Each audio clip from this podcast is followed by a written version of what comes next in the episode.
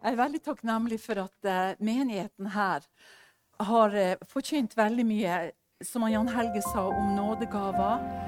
Uh, og dette med tro og Den hellige ånd. Og jeg tenker på at Hvis ikke vi får den åpenbaring i nådegaven og i Den hellige ånd, så står det så et bibelord som sier det at uten kunnskap så går folket til grunne. Og du vet at Gud vil ikke at vi skal gå til grunne. Gud vil at vi skal leve i åpenbaringsånd i erkjennelsen av Jesus Kristus, vår Herre. Og at vi har en stor Gud.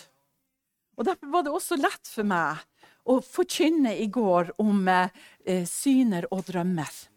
Og jeg må si at her, denne menigheten her, så bruker jeg prøve ting på.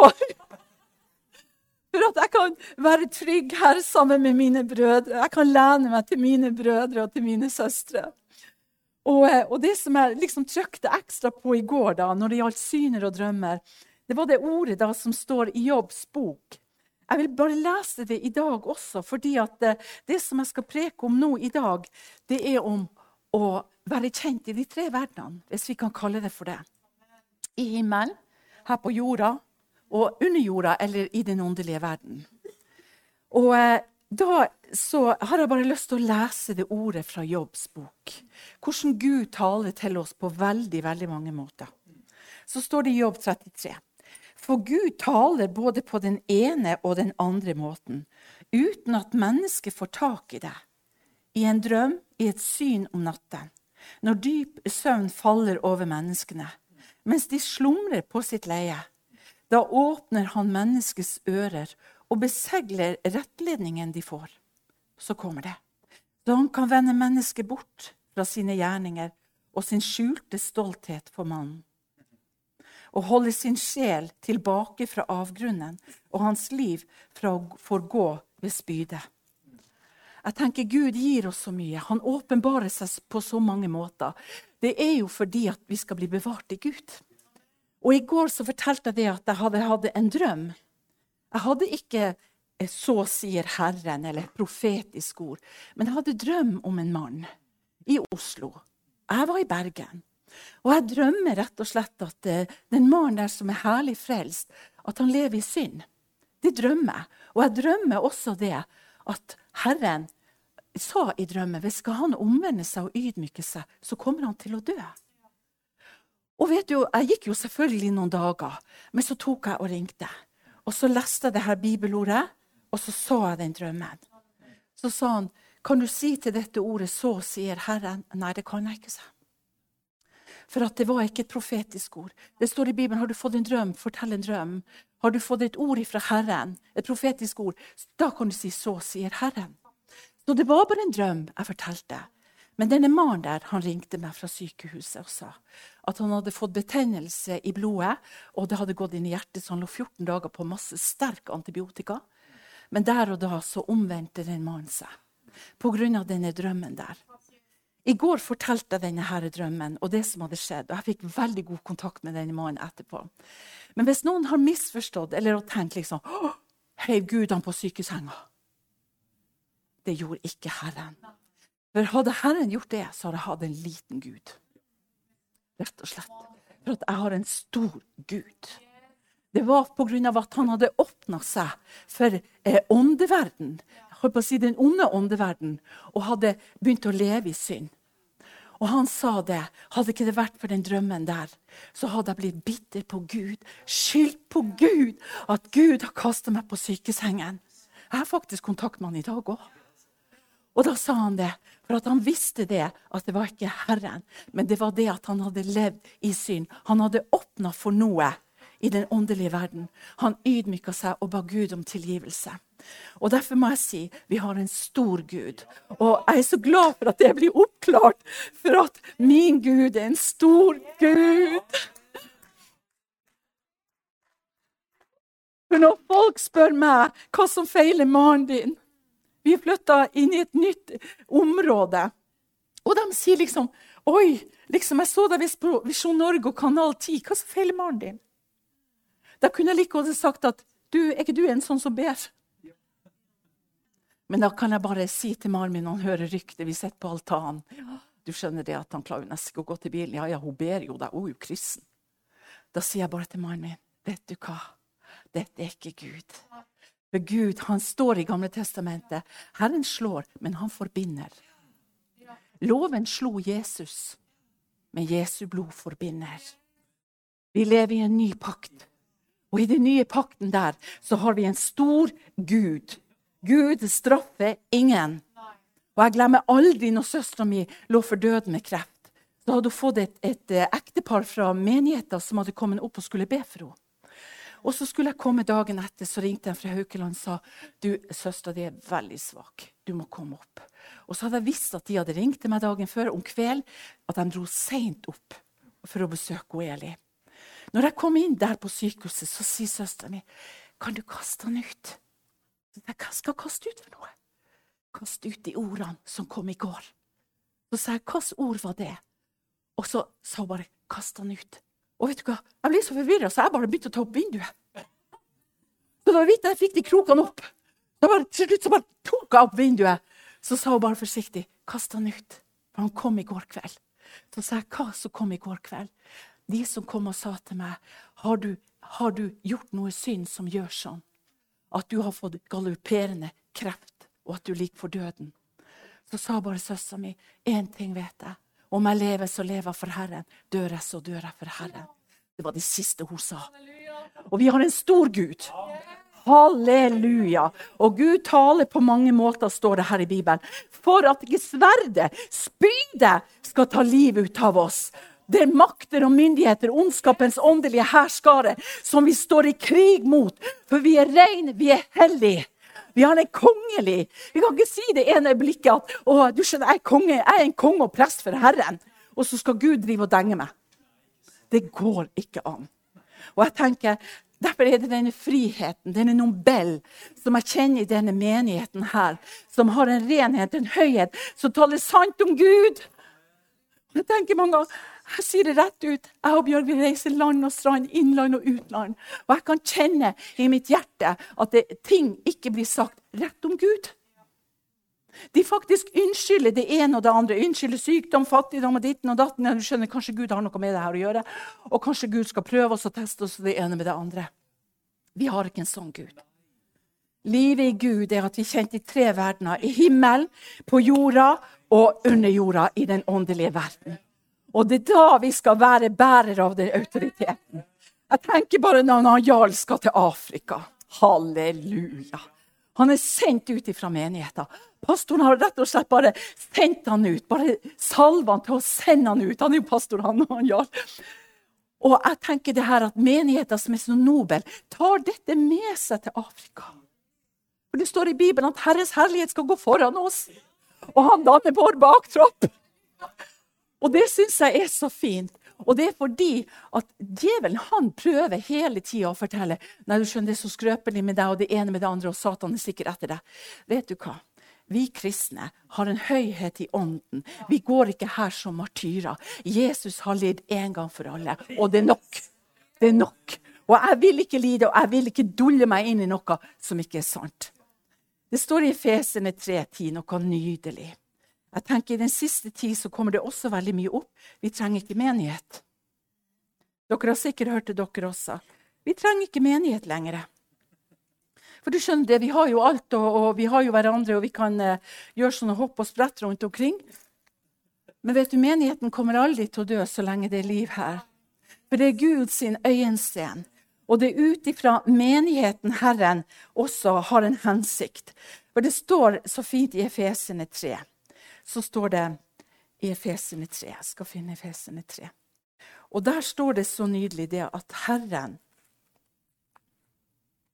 Skal vi se Jeg må ta brillene på meg. Så står det så fint i Efesene 3, 8. Til meg, som er den aller minste av de hellige. Hør hvor herlig å være den aller minste. Ble denne nåde gitt at jeg skulle forkynne evangeliet om Kristi uransakelige rikdom for hedningene. Altså, vi er kjemperike. Og opplyse alle om hva dette hemmelighetens samfunn er. Det som fra evige tider har vært skjult i Gud, som skapte alle ting ved Jesus Kristus. Altså, Dette er jo en profetisk helg. Og nå vet vi at alle ting er skapt ved Jesus Kristus. Så står det her Hensikten med dette var at Guds mangfoldige visdom nå ved menigheten skulle bli gjort kjent for makter, myndighetene i himmelrommet. Så vi som menighet er blitt gjort kjent for makter og myndigheter i himmelrommet. Den autoriteten har Jesus gitt oss i det han sa det var fullbrakt på korset. Og jeg tenker, Da kan vi ikke gå med eh, armen i, i bind. Hun er under armen og armen i bind. Det går ikke. Og Gud reiser opp en menighet som er sterk og moden og modig og frimodig i denne tiden. Som vi taler som Gud, og at vi vet at Gud han slår ikke. Han har faktisk forbundet oss. Han har forbindt oss med Jesu blod. Og det er det som gjør sånn at vi kan leve frimodig. I Johannes 14 så står det vers 16-17. Og jeg vil be Faderen, og han skal gi dere en annen talsmann, som skal bli hos dere for alltid. Sannhetens ånd. Og det er derfor jeg sier, jeg og Bjørg, også hun som reiser med oss fra Visjon Norge, og Veronica, og sa Vet du hva? Jeg har aldri vært i en sånn menighet. En sånn renhet og en sånn høyhet og i det hele tatt, altså. Hun hadde ikke vokabular igjen. Det var bare Og det er sant, det. For jeg tenker mange ganger så må vi eksterne komme inn for å virkelig se den høyheten. Det som er nobel. Det som Gud virkelig tar for en tid som denne. Og jeg tror det kommer til å bli også at dere, flere som er her, kanskje fra andre menigheter òg, kan også si det samme om deres menighet. Verden kan ikke ta imot han, står det. Den hellige ånd videre. Og han ser han ikke, og han kjenner han ikke. Men dere kjenner ham, og han blir hos dere og skal være i dere. Halleluja. Så går ikke Den hellige ånd ut og inn og blir sur. Så som vi blir sur. Det står i Bibelen hos Herren er det ingen skiftende skygge. Det er konstant. Og Gud sier også at når vi er frelst og født på ny, så er vår ånd konstant. Han fær ikke å dingle att og fram. Så sjelen vår skal komme på høyde med ånden, som er tanke, vilje og følelse. Og det er jo det som Herren jobber med hele tida. Jeg bruker å si til Gud jeg ikke kommer lenger. Herre Jesus. Jeg husker en gang på bibelskolen jeg var ung, så kom det en, en gammel mann inn. Han var sikkert 40. Og jeg var ung, og jeg var 17. Så kom han inn, så sa han På sånn Østland, fint Østland, så sa han det her. Jeg burde ha vært lærer, men jeg er småbarn i Kristus. Jeg vet ikke om jeg kan gi dere annet enn melk. Du vet, Jeg var 17 år og nyfrelst og frelst fra det okkulte, så jeg tenkte huff da, såpass. Han var jo gammel, han var jo 40 år. Og det er jo der Gud ønsker at vi skal komme. Vi skal komme på linje med vår ånd. Den som bare er i Gud, som vet alt, håper alt, tror alt og opplever det med Gud. Det er en profetisk helg. Og jeg tror Gud har annonsert det i den åndelige verden. For tenk på at menigheten som har fått undervisning om Den hellige ånd og nådegave og tro og, og helliggjørelse, så er det noe der. Det er at åndens frukter skal få lov til å være det skillet som skiller hvor, hva, eh, eh, gavene. Om de kommer fra Gud, eller om de kommer fra det okkulte ute i verden. Fordi i verden, det, det okkulte, de åndelige, de er veldig opptatt ut av gaver. De, de faktisk bruker Bibelen. De sier også de kan helbrede. Det var jo en dame som sa liksom det at ja, om jeg kunne snakke med døde, for jeg var jo åndelig, så sa jeg nei, dessverre kan de ikke. Men jeg har fått et løfte om å vekke dem opp.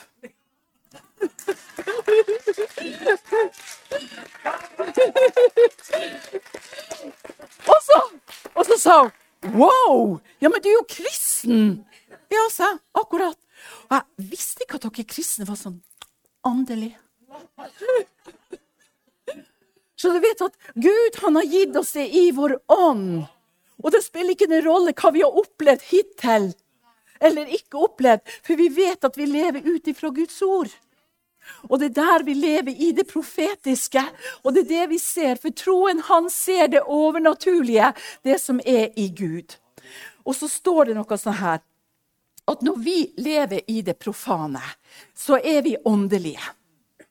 Vi er satt i himmelen med Gud i Jesus Kristus. Så Gud ønsker at vi skal ha framgang, vi skal ha det godt, så vel som vår sjel har det godt. Og Gud vil ikke at vi skal gå her og, og, og sukke og stønne og klage og det ene med det andre. Så Gud har gitt oss autoritet i det profane verden. Og Jeg fortalte dere i går at jeg hadde fått meg et galleri, et stort galleri. Og det fikk jeg gratis hos han. Men det som var det rare, det var det at Gud hadde sagt det til meg at jeg skulle få det gratis. Jeg hadde ikke 12 000, 10 000 pluss og så avsette hver måned. Jeg, jeg, hadde ikke lyst til det engang. For jeg kjente jeg er jo mer på reise enn jeg er på galleriet. Det er jo bare tøv. Men når Gud har sagt at jeg skulle få det, så begynte jeg bare å profetere det ut. At her i Skogsvåg skal Anie Skau bli kjent.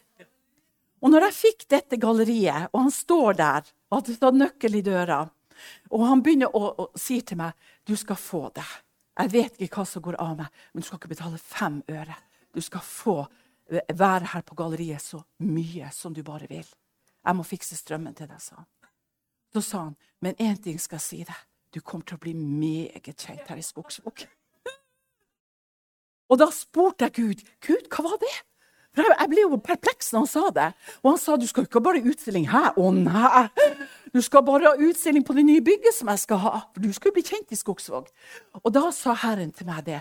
Skjønner ikke du? I den åndelige verden så er jeg satt. Der du er, der er Gud. Og når vi lever bevisst at vi har autoritet der Gud ber oss å gå, og ikke der jeg ønska eller hadde lyst eller et eller annet, men der Gud ber oss å gå der Gud sier at vi skal gjøre et grep, der vet vi at Gud er med.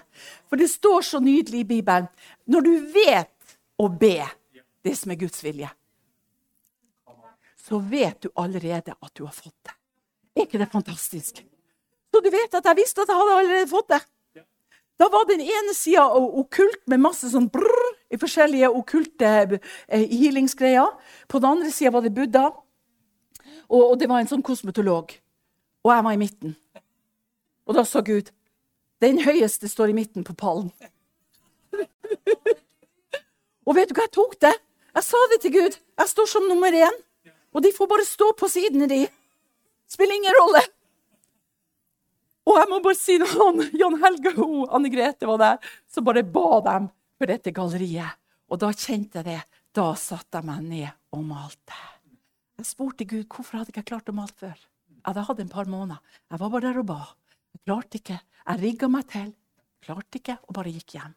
Men når de kom, så bare gikk de att og fram, og så bare proklamerte de her skal være et sted der Gud skal være. Her skal være røst ut til her jeg bor.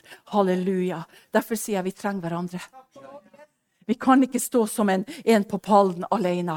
Vi, vi, trenger brødre og søstre i denne tiden. Og skal vi leve i det profetiske, så trenger vi hverandre i høyeste grad i denne tiden her. I Romerne 8,2 står det For livets åndslov har i Kristus Jesus fridd meg ifra synden og dødens lov.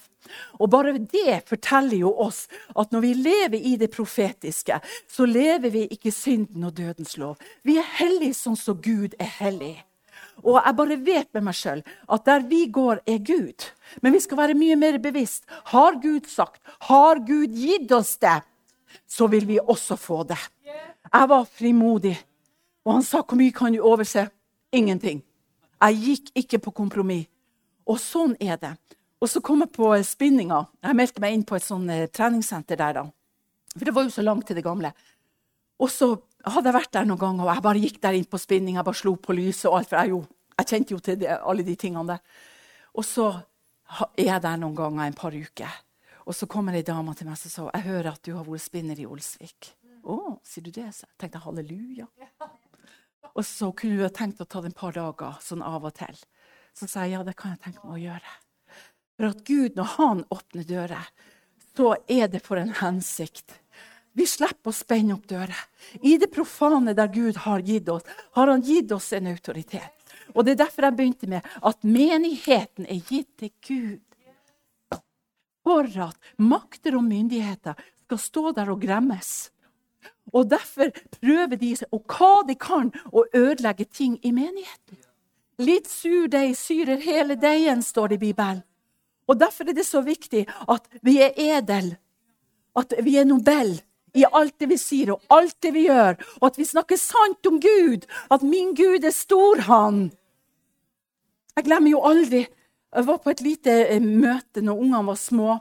Jeg tror han Mikael kunne være fire år. Og, og pastoren så sa nei, nå er det så grusomt i denne verden, og du ser her ikke folk på møter eller noe. Og, ja da, du skjønner det her, og bla, bla, bla. Plutselig så våkna han til liv. Han lå under stolen og snorka og sov hadde en liten sånn bil i handa. Han bare hørte bare det at den blir stillere og stillere og stillere. Plutselig våkna Så stiller han seg framfor pastoren. Du må ikke være lei deg. Og så sa pastoren, ja vel, hva, hva sier du, lille Mikael? Han var fire. Nei, hun skjønner det at hun, mamma hun har mange kassetter hjemme. Og når mamma hører på de kassettene, så sier hun Og så når hun er ferdig å skrike, så sier hun bare 'Takk, Jesus. Takk, Jesus'. Så sa han, 'Men hvis du er lei deg, så kan du låne de kassettene til mamma'. Og du vet at Vi bruker å si i Nord-Norge når vi har surska et kvarter, så er vi ferdig. Og Herren sier det, for livets åndslov har i Kristus Jesus fridd meg fra synden og dødens lov. I Jakob 2 så står det, men den som skuer inn i friheten, hør her. Fullkomne lov. Da har vi altså kommet inn i livets åndslov.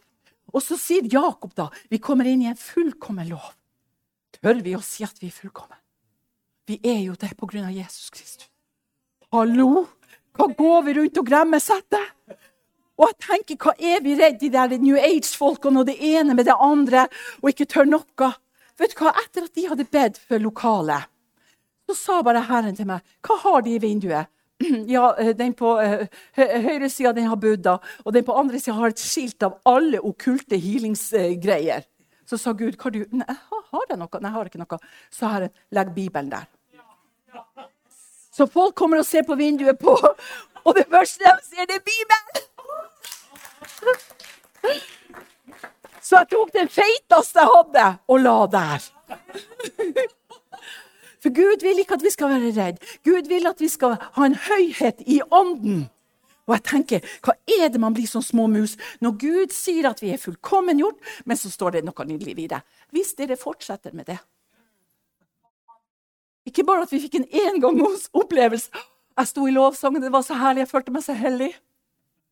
Men det står i Bibelen at men den som skuer inn i frihetens fullkomne lov, og fortsetter med det, han er slik en som ikke blir en glemsom hører, men en gjerningens gjører. Når vi skuer inn i det, og vi vandrer inn i det, da begynner vi å produsere frukt. Da begynner det å skje ting og tang, fordi at vi lever i en fullkommen lov. Når folk har sagt til meg liksom, ja, ja, du tør, og du det ene med det andre, og litt sånn negativt Liksom at ja, ja, men det står vitterlig videre da skal du være salig i din tro. Yes. Du skal være overlykkelig, du skal være vill. Det gjør ingenting. Jeg hadde venninne til meg som har vært borte og kommet tilbake til Bergen. Så sa hun ene dama da at 'Holder du på med det der enda? Så sa jeg 'Hva på med?' 'Ja, du reiser og forkynner og alt mulig og bla, bla, bla'. Ja, så sa jeg 'Skulle ikke jeg gjøre det til jeg legger beina i senga og sier bye, bye'? Og så sa hun så rart at du holdt på med det der enda, det vi holdt på med på 80-tallet, 90-tallet. Skjønner du? Så er det ikke bare noe at vi har en engangsopplevelse, men vi vandrer i det sånn at vi skal være salige. Halleluja! For det er det som gir oss styrke i vår ånd og i vår kropp og i vår sjel.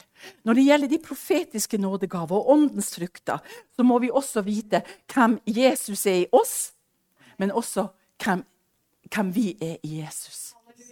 Det er den toveis kommunikasjon i det åndelige livet. Og Da nytter ikke det å liksom tale profetisk og det ene med det andre hvis man i neste øyeblikk 'Å, Gud, jeg fikk så slag på meg!' Du skjønner det at jeg fikk et profetisk ord, og så sa jeg det, og så ligger jeg nede i to dager. Vet du, Jeg bruker å si til Gud vet du, Herre, når jeg har fått meg en ørefik i den åndelige verden, så sier jeg til Gud jeg krever hærfang. Rett og slett. Jeg krever hærfang, Herre. Og da bare går jeg ut og bare sier Herre, jeg krever hærfang.' Bare led meg der inn i den krigen. Og vi får aldri hærfang uten at vi har bestått en krig. I 2. Korinter 1,22 så står det det. Han har også beseglet oss og gitt oss ånden som pant i våre hjerter. Pant betyr egentlig, hør her, en gjenstand eller en eh, dyr gjenstand som settes som sikkerhet. Det er pant. Og, og, og, Før i gamle dager så var det jo sånn at eh, i fiskeriet oppe i Nord-Norge hos pappa dem, når de f.eks. trengte penger, for de hadde ikke, de hadde ikke fått fisk, så, så, var det vanskelig å få ut penger. Men med en gang de sa at vi har fått en kvote, fiskekvote, så vi regner med å ta så og så mange tonn, og da kunne de gå på bruket, som det kalte, og hente ut penger. For da var det en sikkerhet i denne kvoten de hadde, om de måtte fiske dag eller natt. Og Den hellige ånd, står i Bibelen, han er vår sikkerhet. Så hvorfor skal vi være redde? Hvorfor skal vi tenke liksom at vi ikke er hellige nok og gode nok? og alt det her? For Gud Jesus Kristus har gitt oss en sikkerhet på det vi håper på. Overbevisning om det vi ikke ser. Denne panten der, halleluja, den veksler jeg inn når vi kommer hjem til Herren, halleluja, så veksler vi denne panten inn med vårt liv, med åndens frukter og det som vi har gjort for Herren, og at vi er hellige for Gud. Ikke bare det at vi har gaver. Nå skal du høre her at jeg var jo så grei, jeg var jo forkynner. Ingenting med det å gjøre. Men de åndelige, det åndelige som er tatt imot. At det har vært åndens frukter som ånden kunne ha spist ut av. Og står og møter oss i døra, feit og god. Fordi det er åndens gaver. Det er hans, det er ikke mine. Og når vi kommer hjem til Herren, så har vi en pant, en oppfyllelse, en sikkerhet på det vi håper på. Den hellige ånd er sikkerheten innenfor den åndelige verden. Hør her. Den hellige ånd er sikkerhet innenfor den åndelige verden. Når vi har Den hellige ånd, det er ikke bare det at vi har det autoritet i den profane verden, der Gud setter oss inn, men vi har autoritet i det himmelske der vi kan gjøre krav på det som Gud har gitt oss i ordet. Men vi har også en pant, en sikkerhet, på den åndelige verden.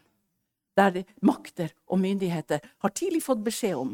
Til menigheten har Gud sagt en hemmelighet, en visdom ifra Gud som før har vært skjult i Gamle testamentet, for å si det sånn med mine ord. For at nå, i Jesus Kristus, har vi, halleluja, fått autoritet over makter og myndigheter. Er det ikke fantastisk? Når vi har det, og er besegla med Den hellige ånd, så er det en sikkerhet, denne, denne pakten i 2. Korinterne 1,22, som Gud har gitt oss. Og vi har Jesus sin sikkerhet, står det, pga. det nådeverket på Golgata. Og det er derfor vi fikk denne panten av Den hellige ånd. Det er ikke for noe annet.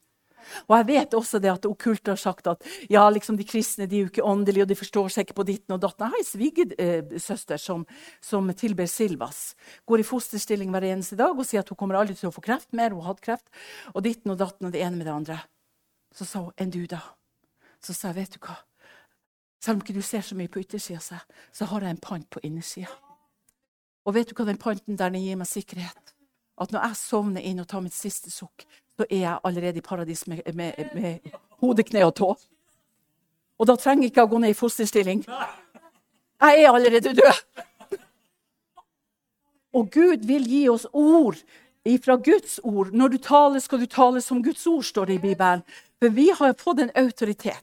Og Den hellige ånd har sagt at han skal minne oss på det Gud allerede har gitt oss. Og Derfor er det viktig at vi leser ordet. At vi ikke å, kjære Gud, nå har jeg lest så mye i dag og så mye i dag. Og... Men at vi lar ordet grunne på ordet, og at vi vandrer i det. Hvis ikke Herren bygger huset, bygger bygningsmenn forgjeves. Hvis ikke Herren vokter byen, vokter vaktmannen forgjeves. Det er forgjeves at vi står tidlig opp og, og, og, jobber og styrer. Eller det står sent opp og sliter hardt for å få vårt brød å ete. Men det samme suverene Gud gir han sine barn mens de sover. Sånn at Joel 2, nei, at Joel, at Jobbs bok kan bli åpenbart. Sånn at vi kan bli advart i drømmene. Og Vi trenger ikke å gå rundt og si 'så sier Herren', men vi kan bli advart, og vi kan advare andre. Som jeg sa, Det var en dame som advarte meg faktisk i 30-årene hadde jeg lyst til å gå fra mannen min. Jeg følte hele livet var bortkasta. Alt var bare bortkasta. Og da sa hun at hun fikk en drøm. Og jeg fikk en så gudsfrykt at jeg torde nesten å se mannen min i øya. Jeg måtte bare omvende meg og ydmyke meg. Og det var bare en drøm som hun sa at hun fikk. Hun sa ikke 'så sier Herren' engang. Gud ønsker at vi skal hvile i Den hellige ånd, til å ta oss ut av stress og ut av byrder og ut av burde-burde og religiøse eh, fakter på, på, alle plan. Vet du hva, Når jeg møter en religiøs ånd, vet du hva, jeg kjenner den sleipheten der. Vet du hva, jeg holder på å spy. Vet du, Det å tale mot Gud og Guds ord. Rett og slett. Ikke sant? Så høres det så fint og så flott ut som Jeg bare roper 'Gud, Gud'.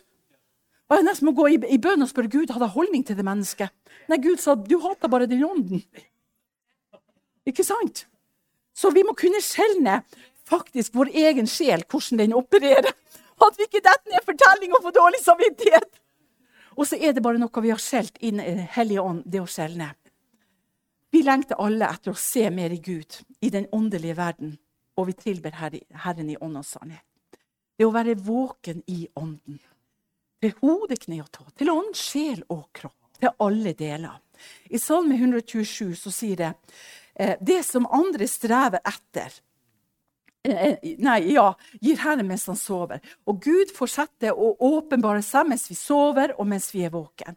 Men det er noe det å være våken i ånden. Ikke sant? Mange har jo også sagt men nei, jeg hører ikke fra Herren. og Hvordan skal jeg høre fra Herren? Har du en idé? Og Da bare bruker jeg å si at vet du hva, min idé er å bare være bøyd for Herren. Særlig hvis de har sagt ja, du skjønner, jeg ber. Jeg står klokka seks om morgenen, og jeg ber. Og jeg ber i bilen, og jeg ber på jobben, jeg ber etter jobben. Og, og tenker å guri malla, du ber jo mye mer enn meg. Og da bare tenker jeg, vet du hva, det er faktisk bare å være bøyd innenfor den levende Gud. Det er det eneste som trenger. Vi bur, ikke, trenger ikke burde, burde, burde å gjøre, gjøre. I Johannes 15, 15 så står det Jeg kaller dere ikke lenger tjenere. Halleluja. For en tjener vet ikke hva Hans Herre gjør. Men dere har jeg kalt venner, for, jeg, for dere har hørt om min far, av min far. Det har jeg kunngjort for dere. Halleluja. Vi er Jesus sin venn, beste venn. Tenk at Jesus er så sjenerøs at han som har lidd for oss, kaller oss for bestevennen min. Ikke sant? Det står det til og med i Bibelen en venn i nøden er bedre enn en søsken langt borte. Altså, det er noe av det her hvordan, Gud, hvordan vi kan ha en venn. Når Gud sier at han bekjentgjør oss i tre verdener. Halleluja. I den åndelige verden hos Gud. Det har Gud gitt oss alt det som tjener til liv og gudsfrykt. Men han har gitt oss alle gaver, alle talenter.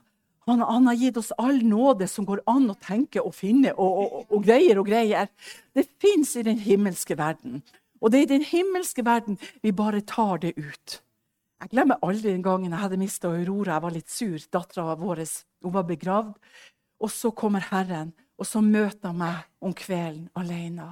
Da sa Herren, 'Kom opp her, skal jeg vise deg noe'. I ånden bare gikk jeg gjennom taket. Jeg tenkte, jeg hadde bare en tynn pysjamas. Jeg tenkte faktisk litt kjødelig. Så, så langt var jeg fra det åndelige. Jeg opplever Gud, en Herrens engel, eh, i et åndelig dimensjon. Og så sier jeg faktisk til meg sjøl Tenk, jeg har så lite klær på meg ennå fryser jeg ikke. Og vi bare stiger oppover, oppover, oppover. Det jeg var menneskelig. Og jeg visste at jeg var inni kroppen, rett og slett. Og, og, og, og, det står ingen plass i Bibelen at vi drar ut av kroppen. Og jeg var i denne kroppen, følte jeg, men det var i ånden jeg var sammen med Gud. Og da får jeg lov å se til slutt, når jeg kom i de forskjellige fasene, kort fortalt, så opplever jeg det at Herrens engel stoppa, månen og stjernen stoppa, for de hadde sunget 'Ære være Gud i det høyeste og fred på jorden blant menneskebarn'. Jeg tenkte, Det var jo det de sa, englene sa til Jesus. Og plutselig nå så var det både engleverden og stjerner og måner og kalakse og, og hele pakken. De lengta og stunda etter en forløsning. Og de bare sang det som englene hadde sunget. Og, og, og, Det var jo helt fantastisk å høre. Men så så jeg det at engelen bøyde kne Det syntes jeg var litt rart. Hele åndeverden bøyde kne. Vi hadde gått forbi dette mørket, makter og myndigheter. Ondskapens ånde her. Da så jeg rett og slett en Herrens engel som tok septeret sitt. Og idet han tok septeret, så gikk det mørke åndeverden til side. Og jeg ble med engelen. Og Herren sa, Anie, bøy kne. Da hadde vi kommet fram. Og ut ifra et slott, ut ifra farger, ut ifra alt mulig som er ubeskrivelig, kom det pakker. Og de sto til Anie fra Herren. Vi begynte å gå nedover, og vi kom forbi dette mørket. Han tok igjen septeret, så jeg kunne gå ned. Og så bare havna faktisk på yttersida av døra, i ånden. Og jeg tenkte å, kjære Jesus, det er ikke kaldt engang. Jeg er bare pysjamas. Og så var jeg tilbake i senga, og jeg sa, herre, hva var dette? Og jeg, jeg, prøvde liksom å si Gud, jeg nådde ikke det minste for pakken engang. Det hang jo der oppe, Gud. Vet du hva Gud sa? Du må ta det i ånden. Og Jeg prøvde å, gripe, jeg prøvde å gjøre krumspring. Jeg sa til Gud hvis jeg ber mer, hvis jeg leser mer, hvis jeg gjør ditten eller datten og, og ber ti ganger for dagen og, og, greier og greier, helst mot Jerusalem eller noe sånt Jeg var jo ganske ung. Jeg var jo barnet som hadde dødd, og jeg var jo ganske forvirra. Og da sa Herren, Anni, du må ta det i ånden. Og det er i ånden vi tar det guddommelige. Det er ved troen vår som stiger opp til alt det Gud har sagt sitt ja og amen til. Det tar vi i ånden. Vi tar det i tro. Og Guds barn er faktisk annonsert der. I himmelen er vi satt sammen med Jesus Kristus. Det betyr at Guds agenda ligger åpen for oss. Når dette er en profetisk helg, så er det også så viktig å vite at når vi har lært om nådegavene, tjenestegavene og Den hellige ånd og alt mulig, så er det så viktig at vi får en frimodighet og en autoritet. Og det er det jeg òg vil liksom knegå litt på det her. Altså, Gud har en agenda for sitt folk. Og i den agenda er det en autoritet. Og Gud har sagt at vi skal bære frukt for Herren. Som Guds menneske er den autoriteten Gud har gitt oss, et domene i den himmelske verden. Er det ikke fantastisk? Og så prøver djevelen og åndeverden å ta fra oss det domenet der. Hæ? Han sa jo til og med til Jesus og var så frekk og sa, når han kom i ørkenen, så sa han til og med det at du, hvis du bøyer deg ned og tilber meg, skal du få alt dette her.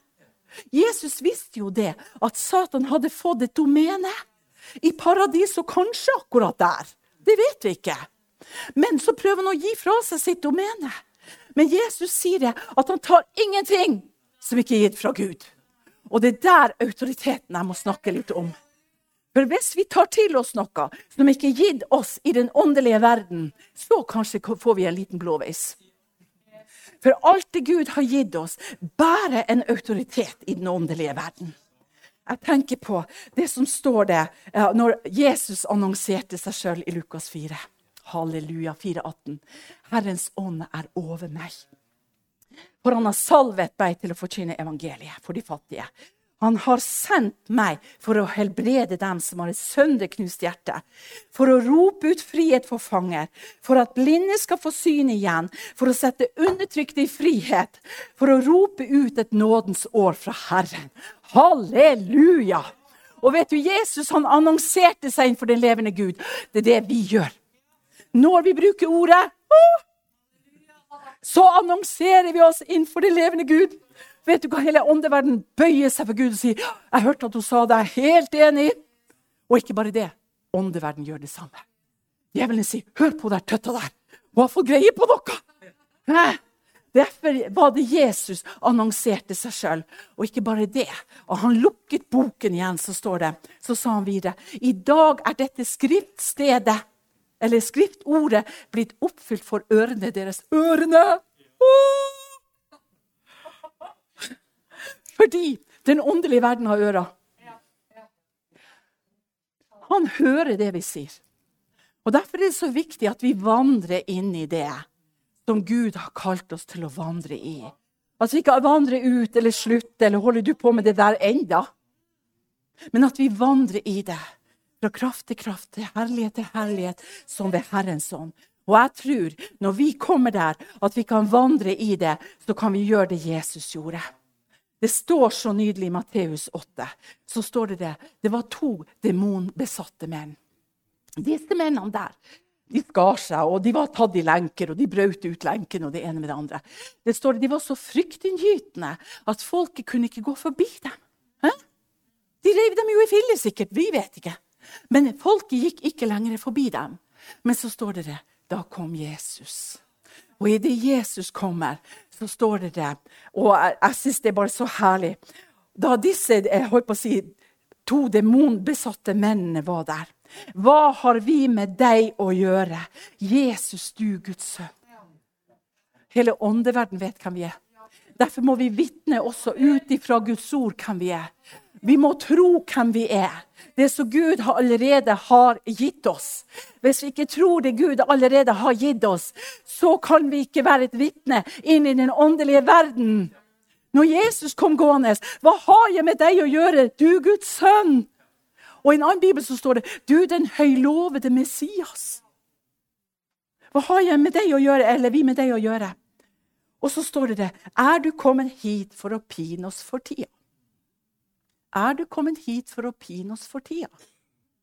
Saken er den at jeg tenkte jo med meg sjøl Hvorfor var Jesus så grei med de der demonene? At de slapp å gå i ildsjøen, i helvete. Hvorfor var han så grei med de demonene at han kunne like godt bare fære grisene?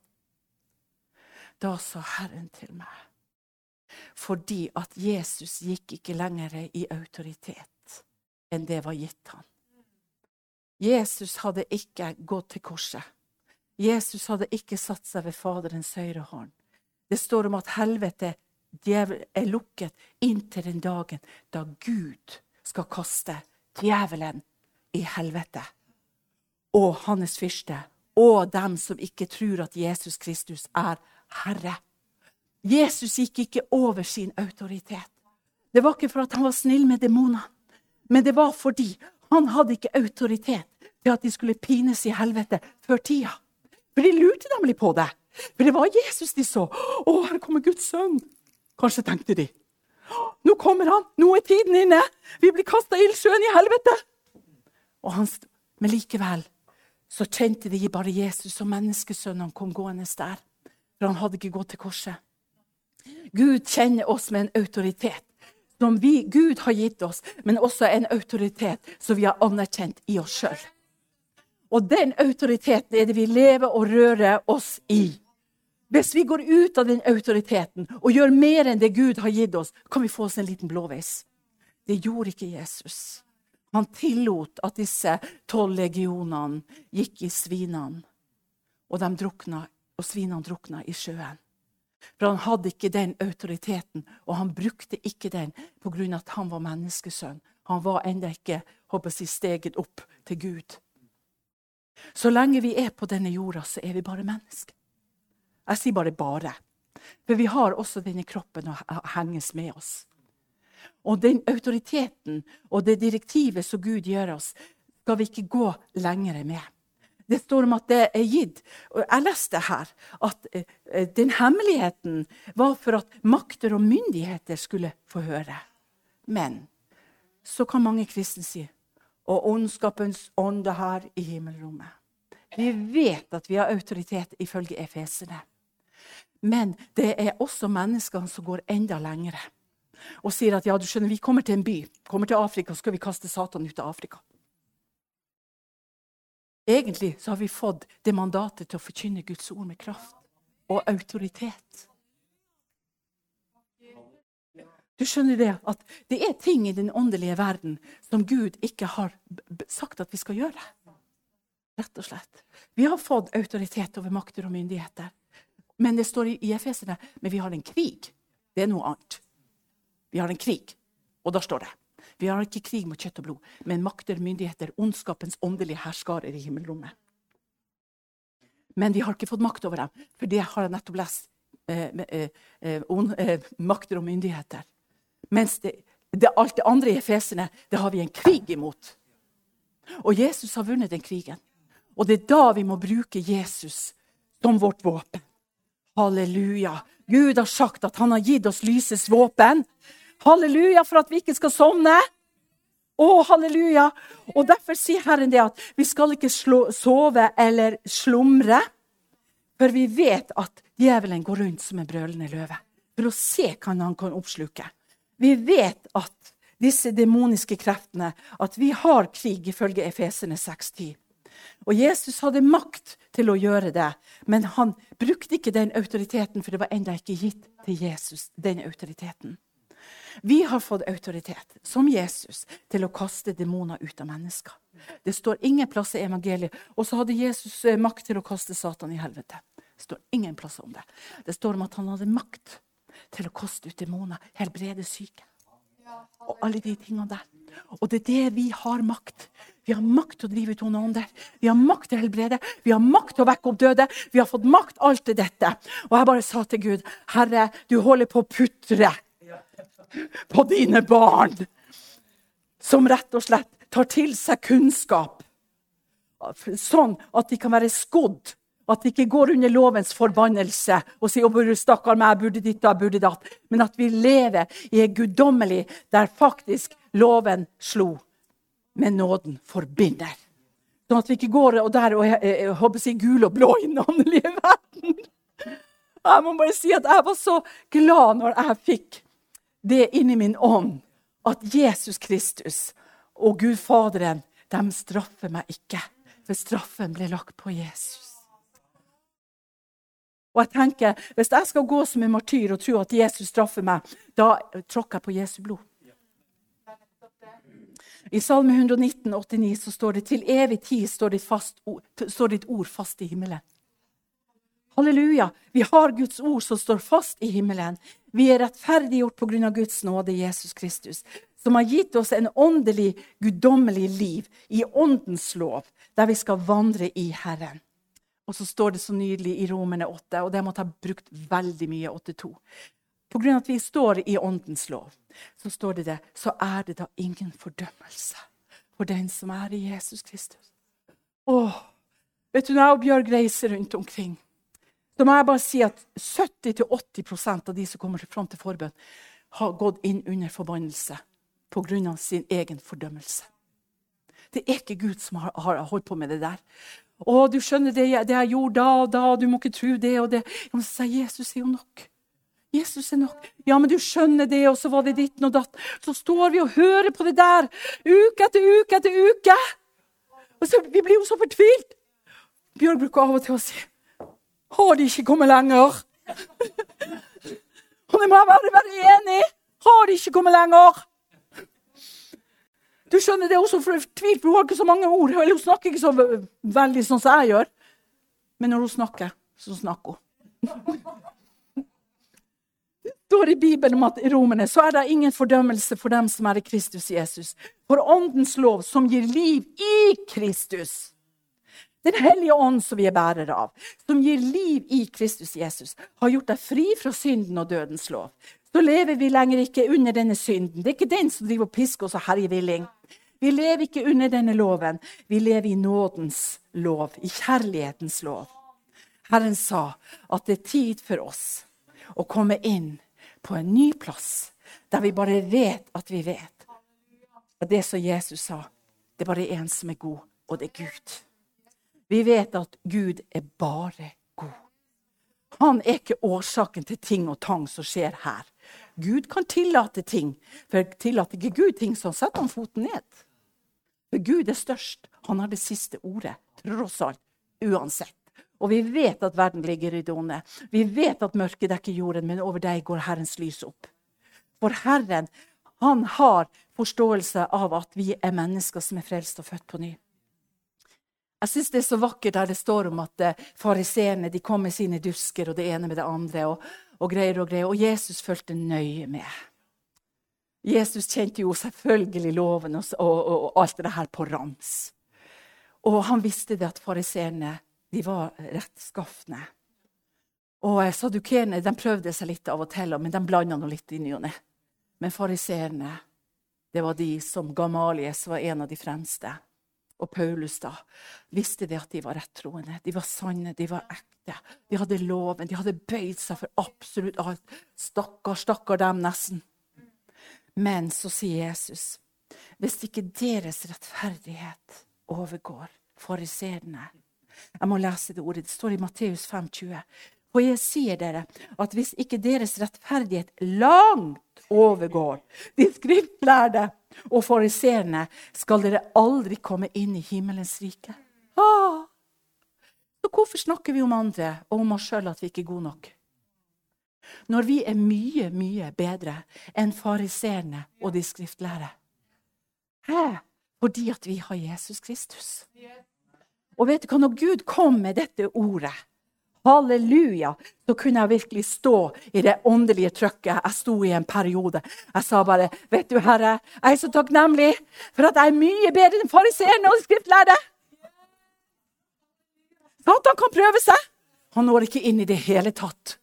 Fordi at jeg har nemlig rett på himmelens rike på grunn av Jesus Kristus, vår Herre. Skulle ikke vi være ville og gale? Skulle ikke vi gå på gater og steder og overalt hvor vi er, og bare prate om Jesus? I går tok pastoren i lovsangen og, og lagde lyder sånn no, no, no, no, no, no, no. Vet du hva? Jeg hørte det gikk sånn morsa. Dere vet morse. Opp til himmelen. Jeg følte liksom at det var noe som åpnet seg. Og jeg sa, Herre. Og du vet, jeg bruker å si til Gud alltid når jeg hører et eller annet Har du et ord? Jeg må få et ord på det. Og så hørte jeg bare Den hellige ånd sa så nydelig For Den hellige ånd går i forbønn. Sukk som ikke rommes i ord.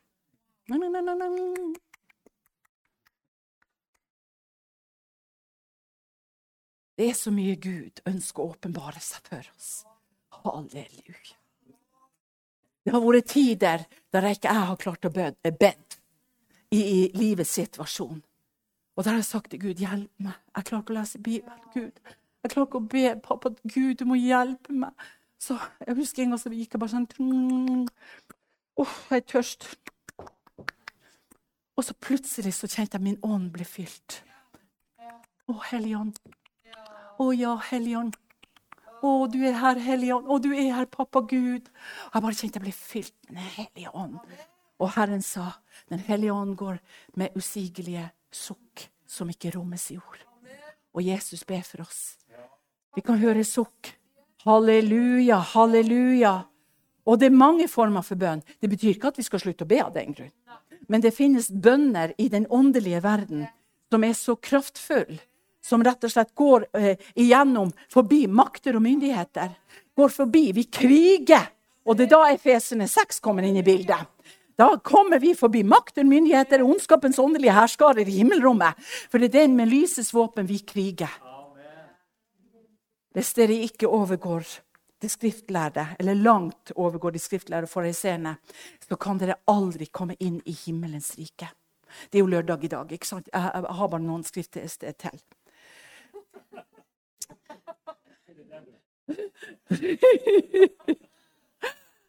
Eh, for det er nå engang sånn at når åndeverden er redd oss Åndeverden er redd oss.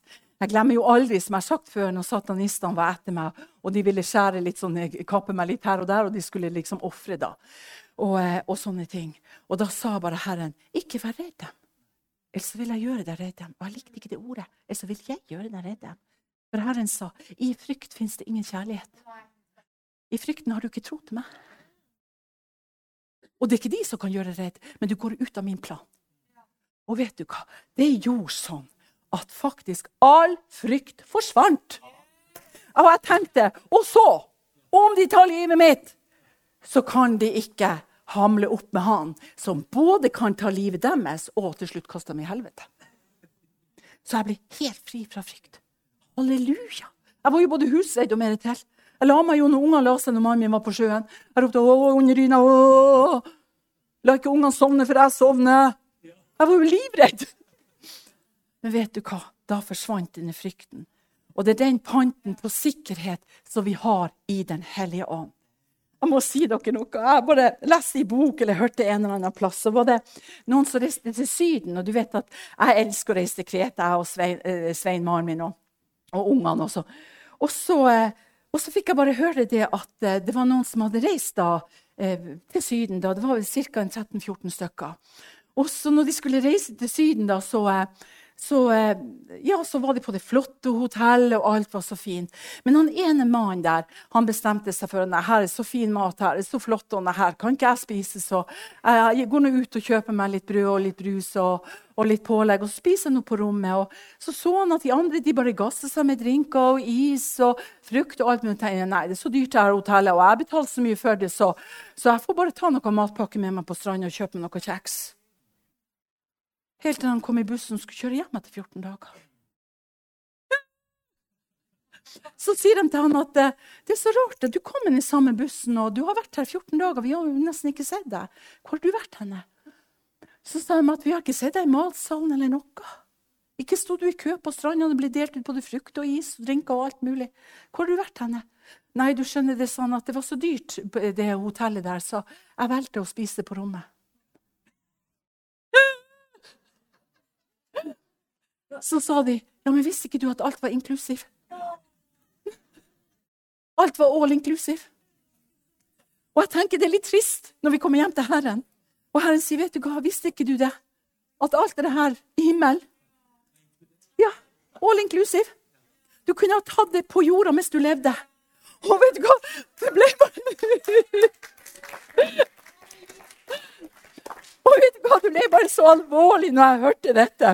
For det er mange ganger sånn vi opererer. Og jeg måtte be Gud om tilgivelse. Og jeg sa, Herre, hvor mange har ikke operert på denne plassen herre, i mitt liv? Her på jorda. Der du, Gud, har sagt, gå inn og ta det. Gå inn og spis det. Gå inn og nyt det. Og i stedet sa jeg sånn Nei, du skjønner, jeg, her, jeg må jo bare springe, jeg må jo bare skynde meg, jeg må jo bare ditten, jeg må jo bare datten. Og i det hele tatt, da har du salva meg, eller har du ikke salva meg? Bare sånn tøv. For den autoriteten vi har fått i Gud, det er også våre rettigheter. Det er våre rettigheter. Den panten er sikkerhet på det som Gud har gitt oss. Halleluja. Halleluja. Jeg har en par ars til, men jeg skal ikke preke mer. Takk, Jesus.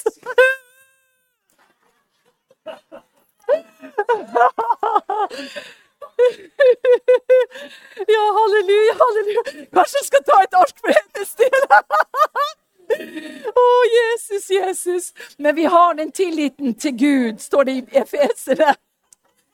Tro er full visshet om det vi håper på, overbevisning om det vi ikke ser.